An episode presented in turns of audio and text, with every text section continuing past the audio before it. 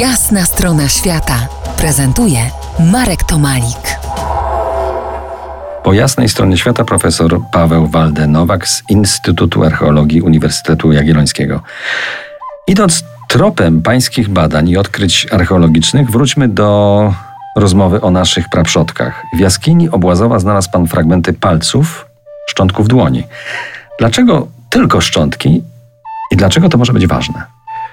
Tak, to może być klucz do zagadki, często tak to nazywam, te palce właśnie i brak y, pozostałych części szkieletu. Gdyby to był grób, prawda, czy, czy to pochówek, pewnie powinniśmy odkryć resztę korpusu czy, czy, czy szkieletu.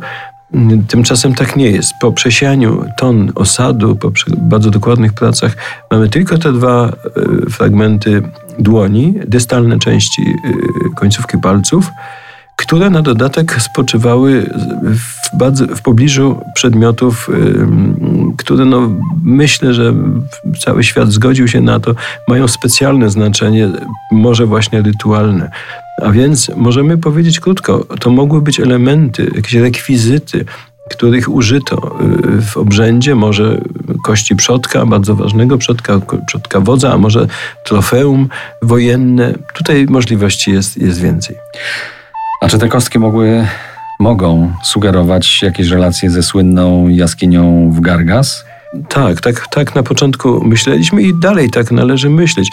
Symbolika dłoni jest w paleolicie górnym bardzo wyrazista. To albo podpis e, malarzy jaskiniowych ówczesnych, albo dowód amputacji, e, może praktyk medycznych, a może inne jeszcze były powody, że przedstawienia dłoni na ścianach jaskiń, na przykład w Garga, w wielu wypadkach mają jak gdyby obcięte, czy przynajmniej schowane palce.